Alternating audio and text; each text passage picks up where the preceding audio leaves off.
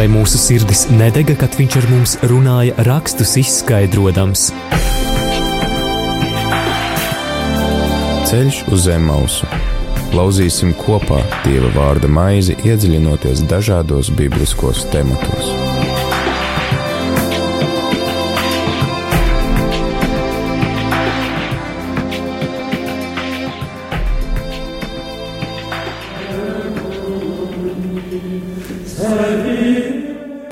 Labvakar, rādījumam, arī klausītāji. Ir ceturtdiena.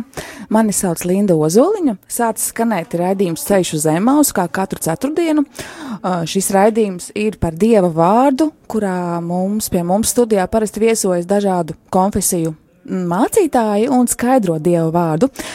Taču šoreiz uh, uh, mums studijā būs mazliet citādāks plāns. Viesis gan ir, bet, bet, bet eh, te, eh, Bībeles svēto rakstu lasījums šodien nebūs, jo, jo šodien mēs gribētu runāt par Bībeles dažādiem tulkojumiem un to atšķirībām, um, kā tos, un kā tos izmanto dažādās konfesijās. Jo, jo pie mums nāk šo dažādie konfesiju pārstāvi, mācītāji, un uh, es, būt, es domāju, ka būtu ļoti noderīgi uzzināt, kāpēc tad, kāpēc tad atšķirās, piemēram, nu, katoļu kāda interpretācija no kādā baptista interpretācijas un, vai pareisticīgo un kā tas ir radies. Tā tad, uh, labvakar, profesor Jāni Prieda. Labvakar. Es tagad uh, tūlīt arī skaisti pieteikšu uh, jūs. Jūs tātad esat Bībeles teoloģijas doktors Latvijas Universitātes humanitāro zinātņu fakultātes Āzijas studiju nodaļas vadītājs, profesors Jānis Prieda. Un arī Rīgas augstākā reliģija zinātņu institūta viesprofesors, uh, vieslektors, uh, kur arī es jūs esmu sastapusi gana bieži pagātnē, un par to liels prieks. Gan, ka tur sastopu, gan, ka šeit sastopu. Uh, tā tad. Tēma svarīga. tēma ir ļoti svarīga, jā, un arī aktuāla tieši šim raidījumam. Varbūt rīta cēlienam tā nav tik aktuāla, bet vai kādam citam raidījumam, bet, bet šim te ceļš zemos tā ir aktuāla. Nu, ar ko jūs vēlaties, sā, vēlaties sākt runāt? Es, piemēram, vēlētu, nu, kāpēc es arī šo te, man radās tāda ideja, ka es gribētu šos jautājumus uzzināt raidījumā un izrunāt, jo man radās jautājums, nu, nu, kad tad sākās šī bībeles interpretācija, uh, nu, vai, vai dažādā šī uz, da, atšķirīgās uztveres, atšķirīgie tulkojumi un uh, Nu jā, jo, jo tomēr uh, lielā mērā tas, kā es dzirdu uh, šo interpretāciju ja, un tulkojumu, tā es to pieņemu un tā es arī dzīvošu. Nu, tas noteiks kaut kādā mērā manu dzīvi, uh, manas izvēles dzīvē, un tāpēc tas ir diezgan svarīgi. Jā, un es varbūt tās pat iedalītu uzreiz uh, divas lietas, kas ir teksts un teksta interpretācija. Atšķirības eh, dažādos laikmetos, dažādos bībeles tulkojumos ir gan teksta ziņā, gan interpretācijas ziņā. Diemžēl varbūt tās būs mazliet garlaicīgi jāstāsta, bet, eh, bet es domāju, ka ir jāpast, jāizstāsta, kā vispār Bībele ir radusies un kā dažādie teksti ir veidojušies. Un šos dažādos tekstus eh, tad pamatā izmanto arī dažādas reliģijas, jo, teiksim, kristietība ir viena reliģija, judaisms eh, mūsdienās ir cita reliģija, un kā pēc tam šos tekstus, tekstus viņi atšķirās šie teksta apjoma ziņā, un kāpēc tam arī interpretācijas ir attīstījušās. Taču tātad visa pamatā ir teksta rašanās dažādas valodas, dažādie laikmeti. Bībele jau ir tapusi nu, apmēram tūkstošu gadu periodā. Tas nav tā, ka viens apsēdās un uzrakstīja Bībeli. Mm, tā kā Bībele jau atspoguļo notikumus, kas norisinājušies vairāk nekā tūkstošu gadus pirms Kristus, un arī pierakstīta pierakstīti šie notikumi vai šie stāsti, notikuma atstāstījumi ir lielā laika periodā, un tie pamazām ir likti kopā. Tika uzrakstīta kāda grāmata, nu, piemēram, iesākumu grāmata vai pirmā mūzes grāmata, kā to mēdz dēvēt Latvijā. Uh, un tā tika Tai blakus tika pielikta nākamā grāmata, vēl nākamā, un bieži vien jau nebija tā, ka senākā ir tā pirmā grāmata. Jā. Var vismaz pierakstīšanas ziņā. Pierakstīšanas ziņā nē, pierakstīšanas ziņā kāda grāmata var būt vēl arī senāka. Jā, pirmā, protams, vēsta par senākiem notikumiem, eh, bet, eh, kad viņi ir pierakstīti, no to Bībeles pētnieki, protams, pēta. Eh, Uzreiz varam teikt, ka šīs pirmās grāmatas, kas tapa un arī tapa no sākuma mutiski, viņas stāstīja pie ugunskuriem, jo galu galā taču ir Bībelē tas uzdevums, piemēram, stāstīt par iziešanu no Ēģiptes, sarkanās jūras šķērsošanu katru gadu, šos notikumus stāstīt pasā mīlestā. Uh, tas ir ebreju reliģiskā tradīcija jau kopš tiem senlaikiem. Tātad tas tika visi šie notikumi, šie teksti tika stāstīti, stāstīti un tad kādu dienu arī pierakstīti. Tad, kad viņi sāka baidīties, ka varētu pazust šīs tradīcijas, Nē, tad līdz ar rakstības izveidošanos, mm. zināmā mērā, es teiktu, tas viss tika arī pierakstīts, um, jā, un likts pamazām kopā, un tādēļ var runāt, ka no sākuma jau Bībele ir tāds atvērts kanons.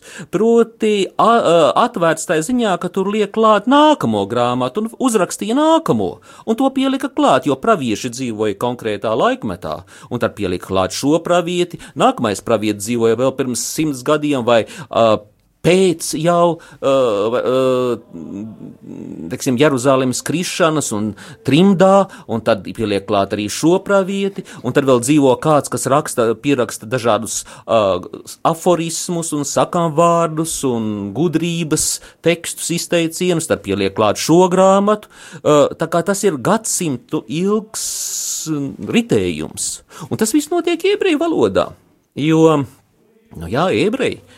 Uh, taču, taču ņemsim vērā, uh, ka aptuveni, tā, ļoti aptuveni rēķinot ar 500 gadus pirms Kristus, uh, izplatā, ir izplatījusies aramiešu valoda. Ļoti izplatījusies, un ebrejus aizved vēl trimdā uz Babilonu, mm -hmm. izsūtījumā. Un aramiešu valoda kļūst par tādu ļoti būtisku valodu arī ebreju kopienā. Un dažas grāmatas tiek rakstītas tagad aramiski. Daniela grāmata.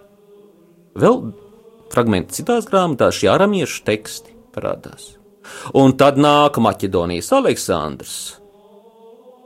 313. gads, un ap to laiku, un grieķu valoda kļūst par tā laika, tā laika angļu valodu, lingva franka. Proti, visi runā un visi zina grieķu valodā. Un tad tiek arī tulkots, ja šīs grāmatas. Tā, jo tad viens otrs no ebrejiem, kas bija ilgi ļoti dzīvojis Amerikas Savienotajās valstīs, nu, es smējos, tajā laikā viņa vēl nebija, bet kas bija dzīvojis Eģiptē, piemēram, Jā. vai citur, viņam grieķu valoda bija dabiska valoda, un šie teksti tiek tulkoti grieķiski. 200 gadus pirms Kristus aptuveni uh, top uh, grie, tulkojums grieķu valodā septuaginta. Jā. Un ar to jau tas atvērtais kanons nebeidzās. Tiek iztulkoti grieķu teksti, tiek, grie, eh, tiek iztulkoti ebreju teksti grieķiski, tiek iztulkoti āramiešu teksti grieķiski.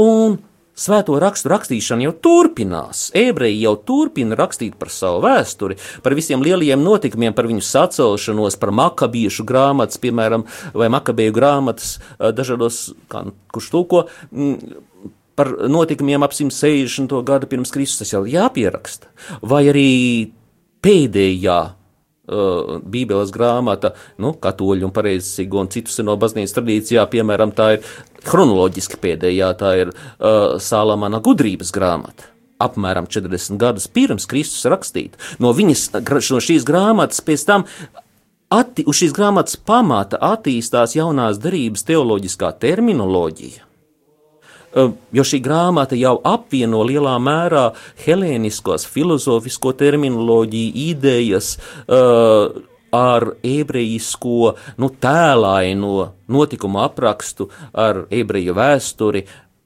Sap, salī, sapludina kopā, un tā ir brīnišķīga bāze, kas tiks izmantota, pilnībā izmantot jaunās derības tekstos. Tātad redzam, uh, kā uh, valodas mainās ebreju, aramiešu, grieķu, un galu galā jaunā derība arī ir grieķu valodā rakstīta. Un visa šī vēsture iespaido varētu teikt, dažādas reliģijas. Jo līdz vienam brīdim šis kanons ir atvērts, un mēs redzam, ka viņš ir atvērts līdz pat apstuļu laikmeta beigām kristiešiem. Jā. Ja. Bet tiem, kas nevēlējās mm, pieņemt Kristu, atzīt viņu par mesiju, um, tie jau šīs jaunās darbības grāmatas nepieņem. Tātad ebrejiem jaunās darbības nebūs. Un tas bija tāds ļoti ass savstarpēji, dažkārt pat uh, naidīgs uh, laikmets pēc Kristus, kad uh, uz kristiešiem raudzījās kā uz tādiem nu, sektantiem, jaunas ticības iesācējiem, tie, kuri seko uh, Jēzum, kas izcila persona, bet nu, kāpēc tad viņš būtu jāsauc varbūt par Dieva dēlu vai jāuzskata par mesiju, nu darīja brīnumus, bet uh, vai dieniņ, tad bija šī lielā plaisa veidojās pakāpeniski starp sinagogu un baznīcu, un no kopējās reliģijas, tā varētu teikt, bija vecās derības reliģija. No vecās derības reliģijas, kas bija kopēja visiem ebrejiem tajā laikā, izveidojās divas atšķirīgas reliģijas - kristietība un veidojās judaisms. Kristietībā tātad šis kanons pielika klāt jauno derību, bet kam pielika klāt? Pielika klāt septuagintai, tiem grieķiskajiem tekstiem, kas jau bija. Pielika klāt šiem grieķu tekstiem, Nu, protams, neatsakoties no ebreju tekstiem. Jā, vienmēr viņi ar viņiem salīdzināja, un tā, bet pamatā jau baznīca izmantoja šo grieķisko vecās darbības tekstus, pielika klāt jaunās darbības tekstus. Savukārt otra reliģija, judaisms, teica tāda, nē, jaunā darība, protams, nē, Jā, šie teksti, evaņģīlija, vēstules, ap, Jāņa klāsums grāmata, protams, ne. Un vispār problēma, viņi sāka problēma, tur tāda kristieši sāk rasties. Mums ir kaut kas jādara. Un tad tas lēmums bija, nu, jāskatās uz tekstiem. Viņi tak nepārtraukti atsaucās uz to septuagentu tulkojumu. Nu, vai tad tas maz ir pareizs? Un tad ap 80. gadu um, tika šie judaismu pārstāvi, tie bija farizēji, kas bija toreiz izdzīti no uh, Jeruzalemes, jo 70. gadā Jeruzalēmī atkaro romieši un, un pamazām ebreji spiesti izklīst, tiek daudzi bēgt eh, no Jeruzalemes. Tad, eh, un tas ir tas laikmets, kad viena daļa ir tāda kristieši, viena daļa nevēlas būt kristieši. Nu, tad farizēji saka tā, nu, mums ir obligāti jāatgriežas pie vecās darības oriģināliem tekstiem ebreju valodā, nu, un aramiešu arī. Pārējos mēs liekam malā, tos mums nevajag. Ja? Tos izmanto uh, tie kristieši, bet mēs paturam tikai ebreju un tikai aramiešu. Protams, ar laiku.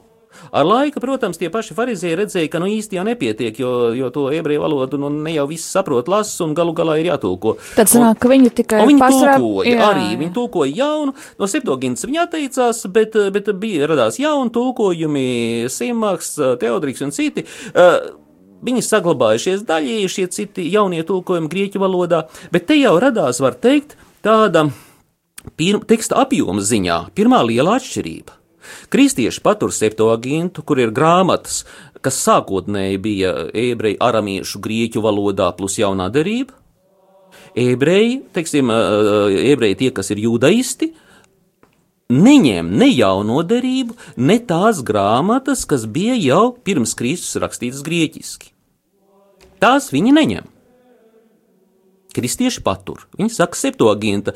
Tā ir šis grieķu tulkojums, plus jaunā derība. Tātad, un tas, šis septoagintas tulkojums kļūst par pamatu, un tas ir pamats visai baznīcai, pirmie baznīcas koncili, vispārējais pamazām, nu, ļoti skaidri pasaka vai definē ar laiku šīs grāmatas, kuras tad būtu iekļaujamas kanonā. Jo, jāsaka tā, nekur nevar jau atšķirt pēdējo bībeles grāmatu, grāmatu, nu, Jāņa atklāsmes grāmatu vai ko, atšķirt pēdējo lapus un redzēt, te ir saturs. Te Bībelē svētais gars ir pateicis, ka sāksim no pirmās mūzes grāmatas līdz pat Jāņa atklāsmes grāmatai viss ir smuki uzskaitīts. Nē, nu tā uzskaitīšana tur nav. Ja to lēmumu pieņēma, nu, farizēji pieņēma, ka nebūs šīs grāmatas, baznīcas koncila pieņēma, ka tieši šīs grāmatas arī būs, ka šie evaņģēlīji būs, bet bija arī citi, ka tie citi nebūs, ja, jo tie nav autentiski un tam līdzīgi. Tātad, restīvi, tas bija tāds, nu, kristiešu kopienas lēmums, ka ir šis teksts, kas ir pamatā, tātad šis septogintas teksts. Pēc tam tika veidoti tulkojumi. Nu, latīņu valodā bija vairāk tulkojumi, ve vecais latīņu tulkojums, veitos latīna, pēc tam nāka, nāca hieronīma tulkojums 4. gadsimtā, jo pāvests teica, ka nu vajag drusku labākā valodā, valodā modernākā, un ka pirmais ir tāds diezgan, nu, diezgan tāds primitīvs tajā latīņu valodā, nu, un tad hieronīms eh, veidoja savu jauno tulkojumu kas ļoti uzstāja uz to, ka, protams, ir svarīgs šis ebreju teksts un ka tas jācenšas latīņu valodā nu, attēlot maksimāli labi. Protams, viņam atsevišķs gadījums ir par psalmiem, un to mēs varam parunāt ja, vēlāk, ja arī hieronīma laikā. Taču šeit mēs uzreiz redzam tās lielās atšķirības, kas ir starp judaistiem mūsdienu un senajām baznīcām. Tā tad uh, senās baznīcas tās ir katoļu, armēņu, uh, pareizticīgās baznīcas, etiopiešu baznīcas un tā tālāk. Uh, Sīriešu pareizcīgās baznīcas un citas. Tātad senās, senās baznīcas viss ievēro šos, nu, septoagintas tekstus, protams, tulkojot jau vēlāk savās valodās. Problēma radās, problēma radās attīstoties izpratnēji, vai jāsaka tā, um, līdz ar, uh, līdz ar protestantismu nākšanu, zinām, problēma uh, šo izpratnē par šo tekstu apjomu. Tā, Ko darīja? Izpratnē, izpratnē par par tekstu apjomu. apjomu. Cik tad kristiešiem galu galā, vai kristiešiem ir jāsako šim septogintas kanonam, septogintas visiem tekstiem, nu, piemēram, šīm gudrības grāmatām, Sālamana gudrības grāmatām, Makabeju grāmatām par, par notikumiem 160 gadus pirms Kristus un tam līdzīgi. Vai šīs grāmatas, nu, būtu iekļaujamas vai nebūtu, jo viņas taču ir rakstītas grieķu valodā pirms Kristus. Un ebrejiem viņu, teiksim, judaistiem, viņu nav.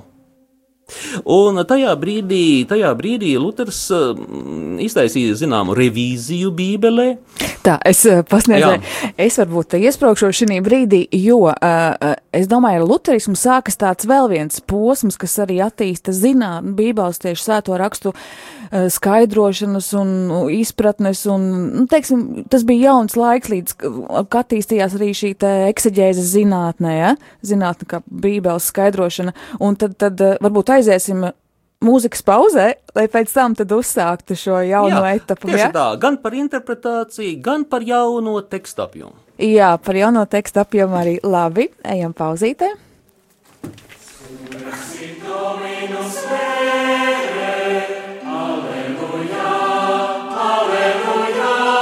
Alleluia,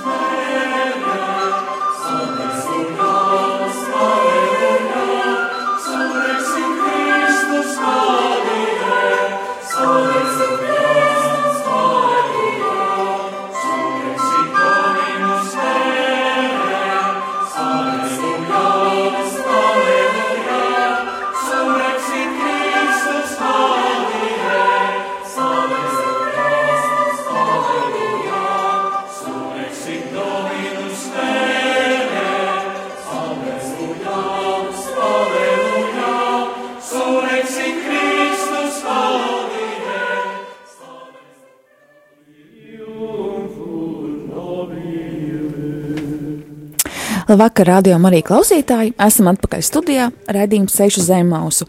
Mani sauc Linda Ozoliņa, un pie mums ir uh, viesis uh, profesors Jānis Priede. Pirms pauzē gājām, sākām runāt par, par to, kā, kā t, par, par dažādiem bībeles tekstiem, kā tie ir radušies, par bībeles kanonu izveidošanos, ka tas ir bijis atklāts ļoti ilgu laika posmu, ka grāmatas ir rakstītas uh, un ievietotas šī, nu, kā mēs tagad redzam bībeli, un, teiksim, tā pirmā grāmata, kas ir bībele Jā. Jā. Un es uzreiz piebildīšu Jā. par to vārdu atklāts. Tas nozīmē, ka var likt klāt Jā. un klāt un klāt. Jā. Bet vienu brīdi tas beidzās. Jā, un tas beidzās ar apstuļu laikmetu. Jā. Pēc apstuļu laikmetas jau neviena Bībeles grāmata nu, nav, netiek likta klāt, un kristietībai līdz ar to ir noslēgts kanons. Ja kāds tagad, piemēram, teikt, ka viņš ir saņēmis nu, šausmīgāko atklāsmi no svētā gara un uzrakstījis, nu, tur Pētera atklāsmes grāmatu vai tam līdzīgi, un ka tā ir obligāti jāievieto Bībelē, nu tad tā jau nebūs.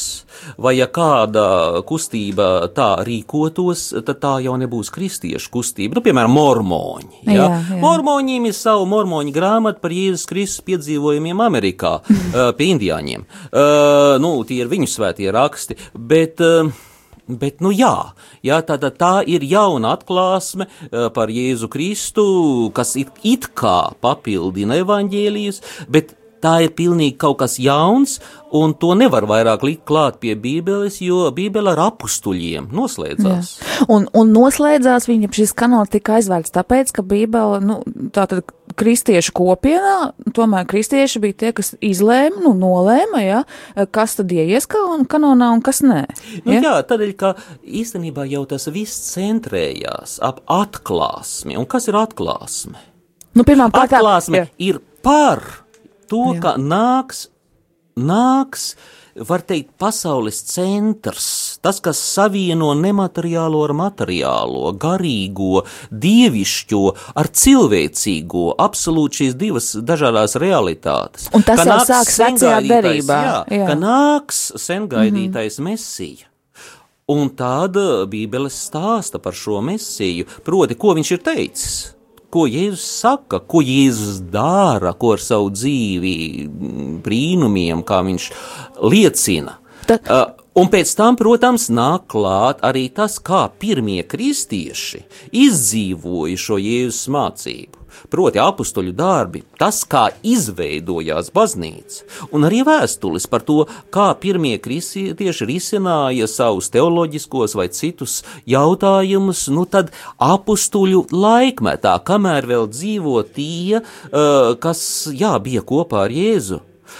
Toreiz, tad, kad šīs laikmets noslēdzas, Pēc tam jau paliek tikai nu, interpretācijas. Jā.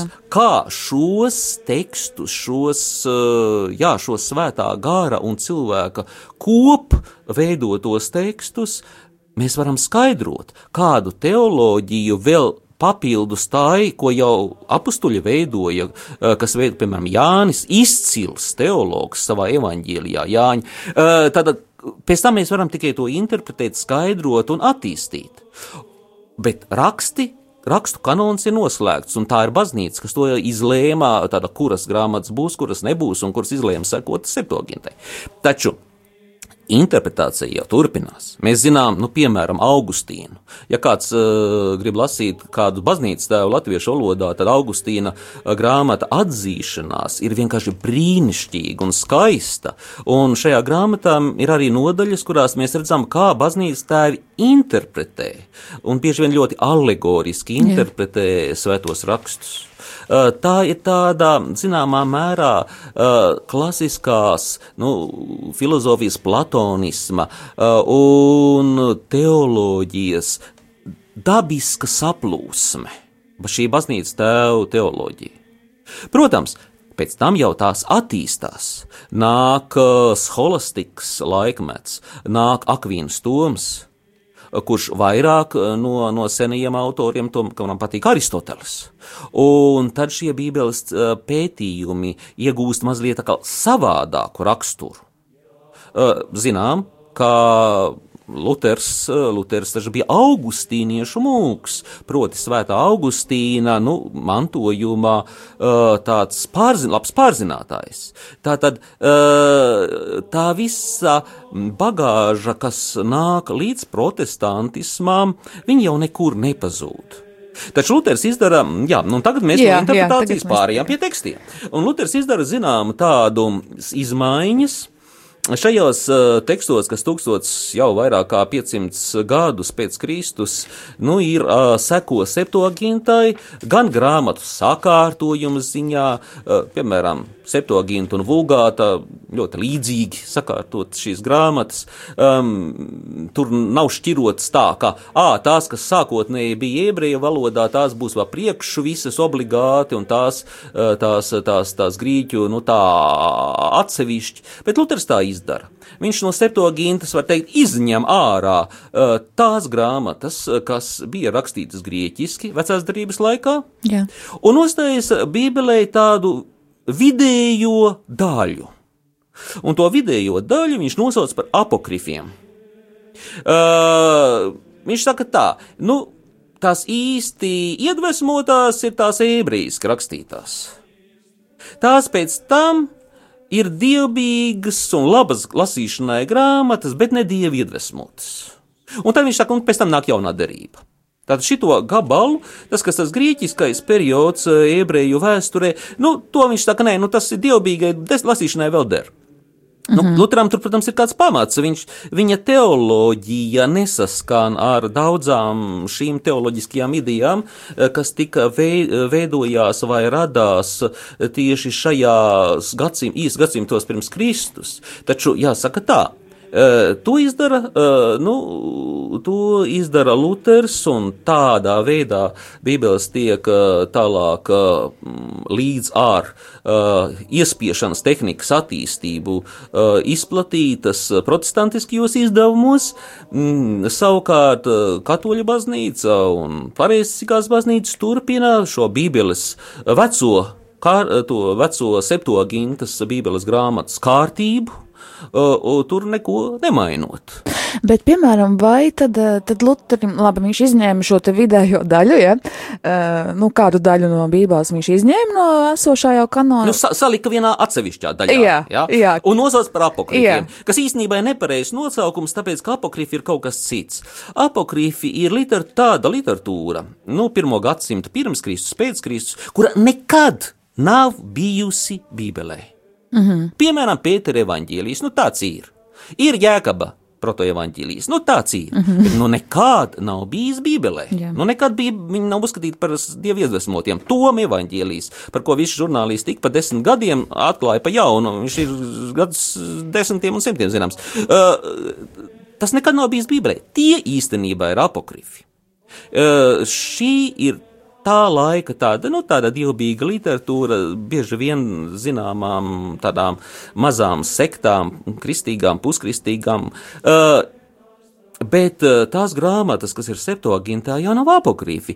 Uh, tagad kad 2012. gadā tika veidots jaunā, tika tagad veidot jaunā latviešu bībeles tulkojums, tad šīs grāmatas arī latviešu valodā ieguva nu, tādu normālu nosaukumu, un tagad viņas sauc par deutero kanoniskajām grāmatām. Jā. Proti otrais kanons, nu deutero tas ir otrais, otrā kanona grāmatām, nu tad pirmais kanons, nu tā neviens nesaka pirmais kanons, bet pirmais kanons būtu tās ebreja aramiešu, šitais būtu otrais kanons, un tad būtu jaunā derība. Proti, deuterokanoniskās grāmatas. Nu, tā viņas sauc un vairāk par apokrifiem nesauc.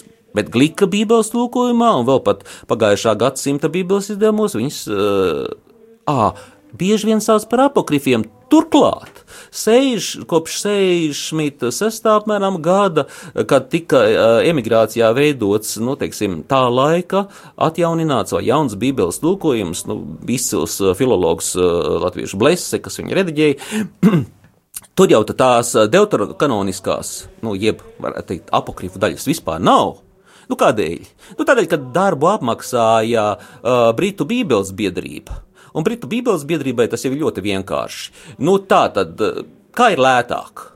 Ja nu nav taisni dievi iedvesmots, nu tad vispār tās lapuses nevajag. Jā, lētāk ir iespiest bez šīm lepusēm. Uh, tad tur izveidojās uh, tas izdevums no 60. gadiem līdz pat 2012. gadam, kad šīs deuterokanoniskās grāmatas latviešu valodā netiek uh, iespiestas. Tagad tas no jauna ir atpakaļ tajā bībelē, kas, tajā bībeles tulkojumā, kas mums ir pašreiz. Jā, skaidrs. Man arī tāda bībele, kur nav vēl šo grāmatu. tā, jo, jo tā man bībele vecāka, nu, jā, senāk nav pēc 2012. gada. Bet tā tad Luters izņēma šo daļu no grāmatām. Tā tad mainījās, nu, teiksim, Luterā, Luterāņiem kanons, jā, bet kā tad, bet nu, līdz ar to, kas tad tur daudz mainījās tajā interpretācijā. Nu, vienkārši daļiņa aizgāja prom un viss, bet vai pārējais palika tāds pats, tā nī svēto rakstu interpretācijā? Interpretācija jau, svēto rakstu interpretācija jau kopš sāta gala, jau svēto rakstu rakstīšanas laikā, ir vienmēr ļoti atkarīga no iepriekš uzrakstītajiem tekstiem. Tādreiz, tādēļ kādreiz pat kādām var šķist likties diezgan muļķīgi. Nu, sāku lasīt veco darību. Nu, atkal jau kuru reizi atstāsta to notikumu par iziešanu no Eģiptes, nu es tak par viņu jau lasīju atkal atstāts.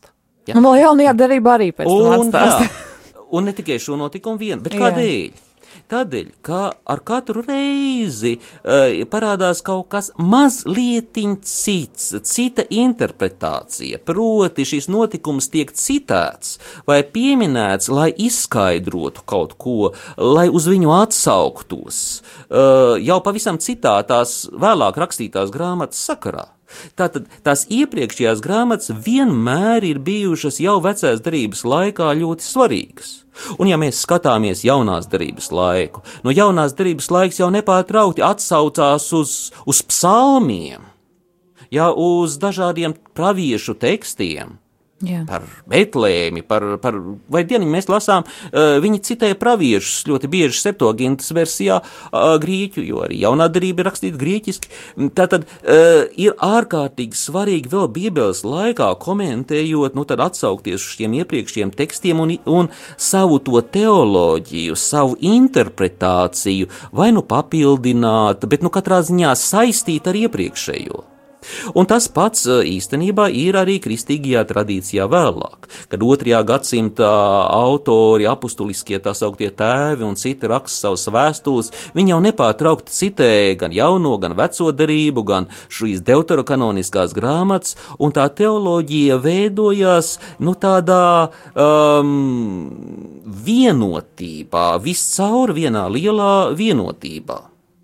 Un tā tas ir līdz pat mūsu dienām, bet jāsaka tā, līdz pat mūsu dienām kam?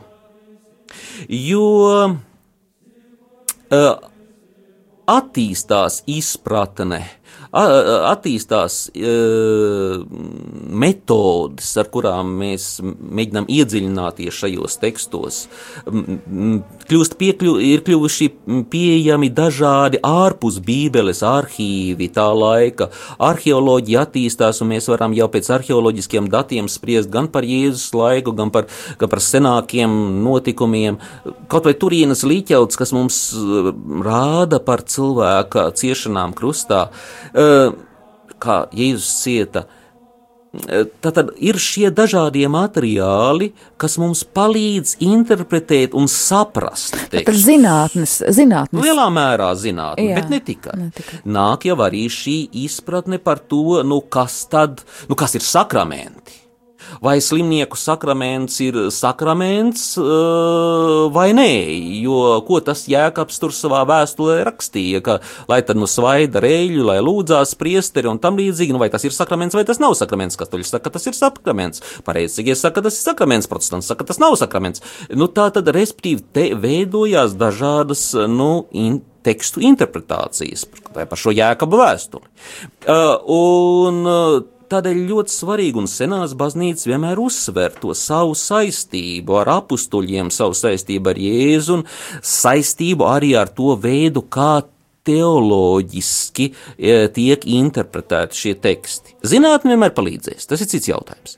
Bet kā teoloģiski inter interpretēt tekstus, šeit senās baznīcas ļoti uzsver tieši šo saistību ar to, kā, kā kristieši nu, no pirmiem gadsimtiem, kam jaunās darības kristieši jaunajā darībā ir interpretējuši Bībeli kā Jēzus pats ir interpretējis Bībeli, nu, ka viņš dodas ar pavadīt, ka viņš iet uz Emausu kopā kādu gabaliņu ar Emausu mācekļiem, nu, taču viņš skaidro svētos rakstus.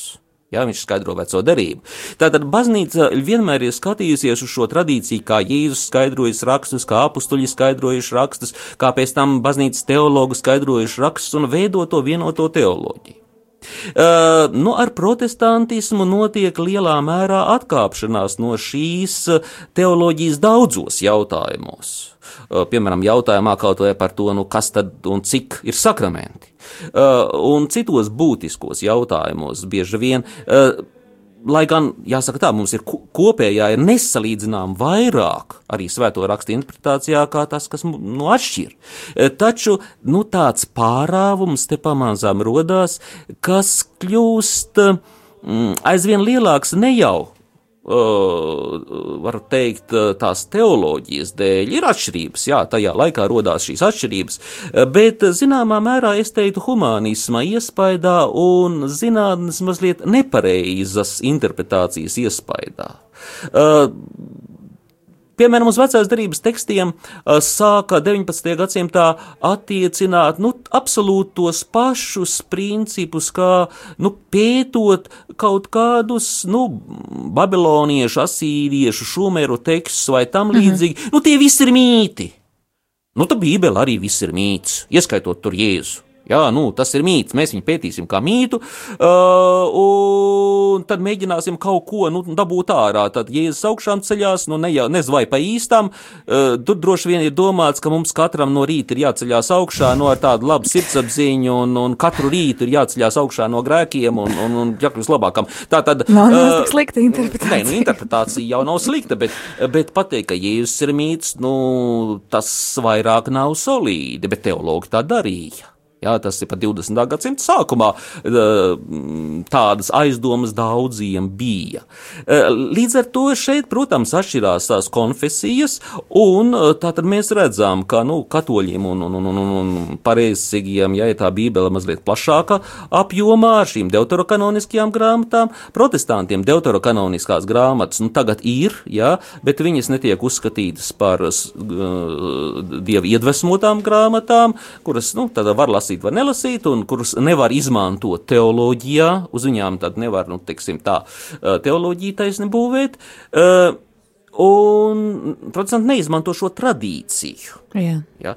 Katoļu pareizīgie skatās uz šo visu seno tradīciju, un tā ir tā, es teiktu, tā būtiskā atšķirība interpretācijā. Tā zinātniskā interpretācija, pētnieciskā interpretācija, tā jau ir viena. Ja, mēs visi izmantojam tos datus, uh, ko mums dod gan tekstu, gan valodu pētniecība, gan arheoloģija, gan vispārējais. Uh, tur jau nav nekādas atšķirības, vai tas ir jūdaists.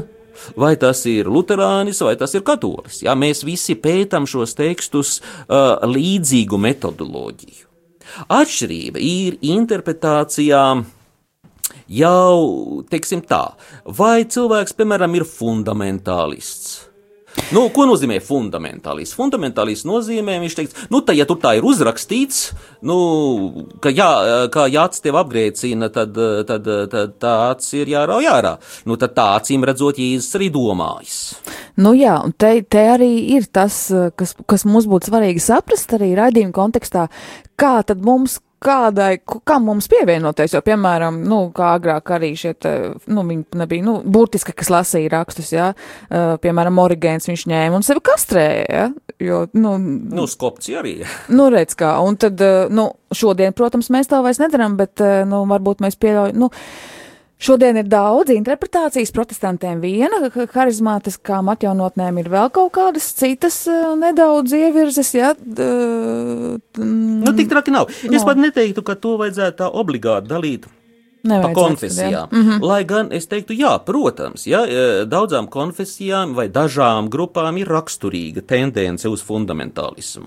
E, Kā ja nu tas tā ir rakstīts, e, tad, tad tas ir tā burtiski, praktiski jāsaprot. Un, un, un ja Bībelē ir minēti, teiksim, Bābeles tonis, tad nu skaidrs, ka viņu cēla un skaidrs, ka uh, sieviete ir radīta tieši no ribas un kā, nu, Dievs, nu, kā labs ķirurgs izgrieza ribu un uztaisīja ievu.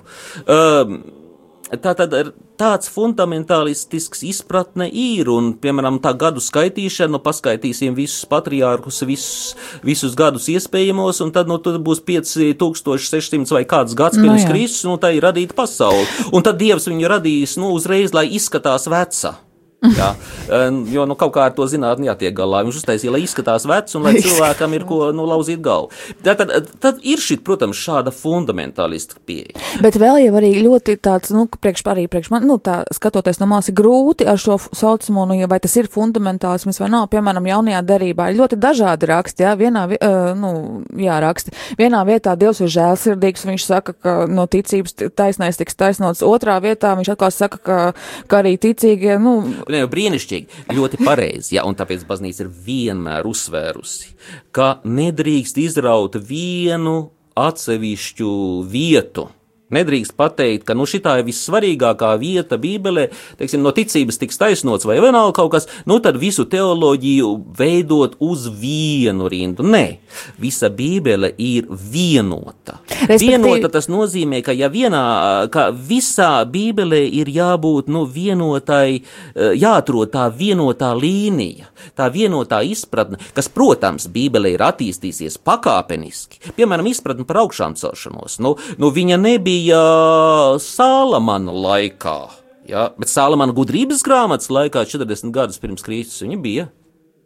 Viņa jau bija Makabeju grāmatā laikā, mm -hmm. 160 gadus pirms Kristus, šī, šī doma par augšām celšanos.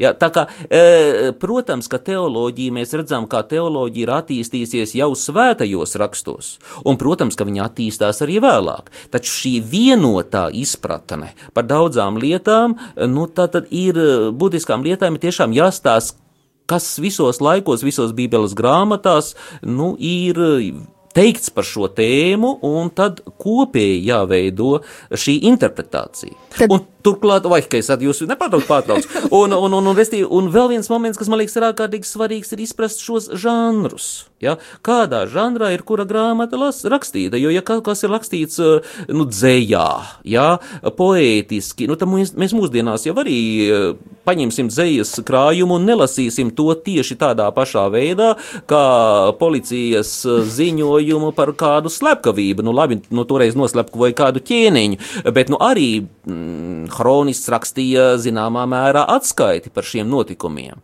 Un tas tomēr ir, ir kaut kas cits nekā uh, žēlabas psalmos.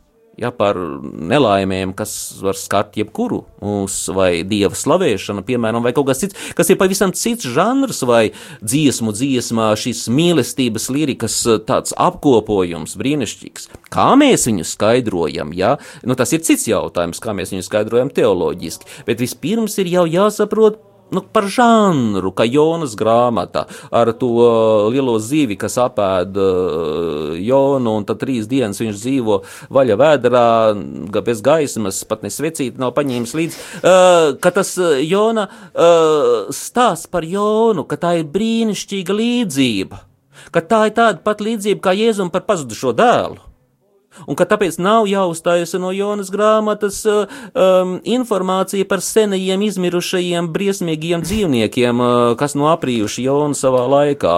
Um, nē, e, absolūti nē, tā ir, tā ir tāda pat līdzība kā par pazudušo grasi vai, vai, vai, vai par jebko citu.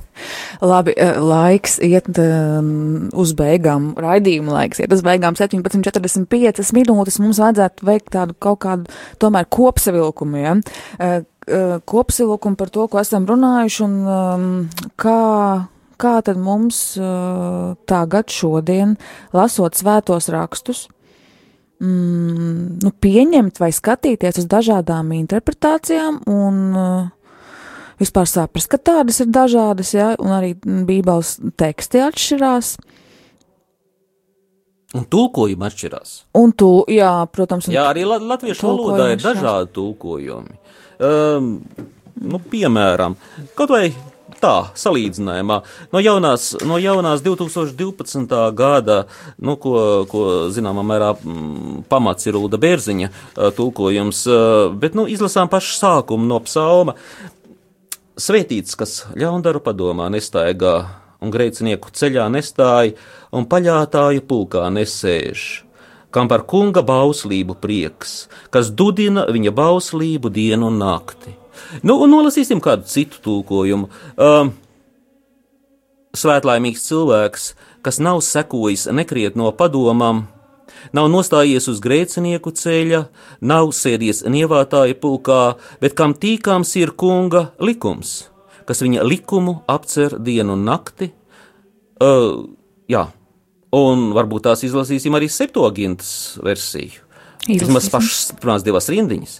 Svētlaimīgs cilvēks, kas nav spēris kāju nekrietno padomē, nav nostājies uz grēcinieku ceļa, nav sēdies sērgas izplatītāju dzīvoklī, bet kam kunga likumā sakņojas grība. Uh, mēs redzam dažus, dažādas versijas par vienu, un, nu, viena teksta, varētu teikt, tulkojumu. Protams, septogins teksts ir mazliet atšķirīgs. Tas ir starp tulkojums, ebreju, grieķu un tad latviešu. Bet, jā, kurām sekot? Tādēļ es, protams, ieteiktu jebkuram. Uh, Lasīt, ja iespējams, vairākus tekstus. Un mācīties vairākas valodas. Tas būtu vēl ideālāk. vai ne? Nu, protams, jā, nu, angļu vai krievu Nu, nu, teksts paralēli jā. vai poļu. Tas tikai nu, bagātinās to. Un arī izvēlēties labus un pareizus tulkojumus. Es teiktu, ka, piemēram, jaunajai derībai Strelēvits tulkojums, diemžēl, ir no latīņu valodas, bet tas ir vienkārši lielisks. Jā, nu, vismaz katoļiem ar, ar, ar tādiem komentāriem, kas varētu būt gan mazliet mūsdienīgāki, bet eh, es domāju, ka tas būtu ļoti noderīgs eh, Strelēvits tulkojums. Savukārt, eh, jā, Bībele, kuros ir komentāri, piemēram, Jeruzalemes Bībele, nu, Jerusalem, uh, New Jerusalem Bible, ja tas palīdzēs jums saprast gan žanrus, gan to vēsturisko visu kontekstu, tie komentāri ir ļoti noderīgi. Ļoti brīnišķīgi. Paldies, ka mēs arī dzirdējām tīri tāds praktisks tagad eh, pašās, no, pašā nobeigumā bija uh, ieteikums piemērus, kurus, kurus bībeles komentārus varētu lasīt, un arī man prieks, ka izskanēja pat nedaudz raksta lasījumu šo, šī raidījumā, kaut tas arī nebija plānots, jo, nu, vienkārši mēs nelasījām šodien svēto rakstu tekstus, bet eh, paldies eh, profesoram, teoloģijas profesoram un doktoram eh, Jānim Priedem, ka viņš atnāca šeit, ka viņš veda mūs eh, šo 50 minūšu garumā veda šo ceļa gabalu un, un palīdzēja mums iegūt skatu, pavērt mūsu skatu plašāku, pamanīt, ka, ka, kā, kā ir radies, kā, kā ir radies Bībeles teksts, un ka, ka teksti ir dažādi, un ka teksts ir, mm, nu, teiksim, pat visa pamatā. Jā, labi. Paldies, ka uzaicinājāt! Jā, es tā saprotu, ka nu, patiesībā mm, vajadzētu, varētu vēl par šo tēmu ļoti, nu, vēl vairākus raidījumus veidot, jo, jo, jo, jo man pat tagad radās vairāk jautājumu nekā bija, nekā bija sākumā pirms, pirms raidījuma. Jā, bet. uh, Es domāju, ka ir vērts nākt un studēt uzrādu. Jā, ļoti labi, ļoti labi. Tieši tā, tieši tā. eh, Ir vērts pašam lasīt Bībeli, pašam meklēt komentārus, pašam, mm, pašam pētīt, pašam pētīt ikdienā, jā, un arī ņemt eh, un, un palīgā jau zinātniskās metodas un tādas, kas tiek pasniegts gan Rārzī, gan arī Latvijas universitātē var arī iet. nu, gan jau var nevienu zinātni jau nu, sliktāk nedarīs, jo cilvēks kļūs gudrāks, viņš attīstīsies, attīstīsies vairāk, un viņš pēc tam pieņems lēmumu, kas viņam der un kas viņam nedara. Tā kā, nu, gluži jau. Nē, nē, es teiktu tā, modernā eksaģēze ir nepieciešama. Jā, Uh, tas tā. ir visa pamats. Un to māca nu, viscaur. Nu, tā redz. kā mm, mācīties vienkārši vajag. Tieši tā, es piekrītu. Paldies. Tad eh, paldies katram klausītājam, kurš bija kopā šovakar ar mums, un mēs tiksimies pēc nedēļas nākamajā ceturtdienā. Lai jums svētīga nedēļa un eh, priecīgs garas stāvoklis. Visu labu! Atā!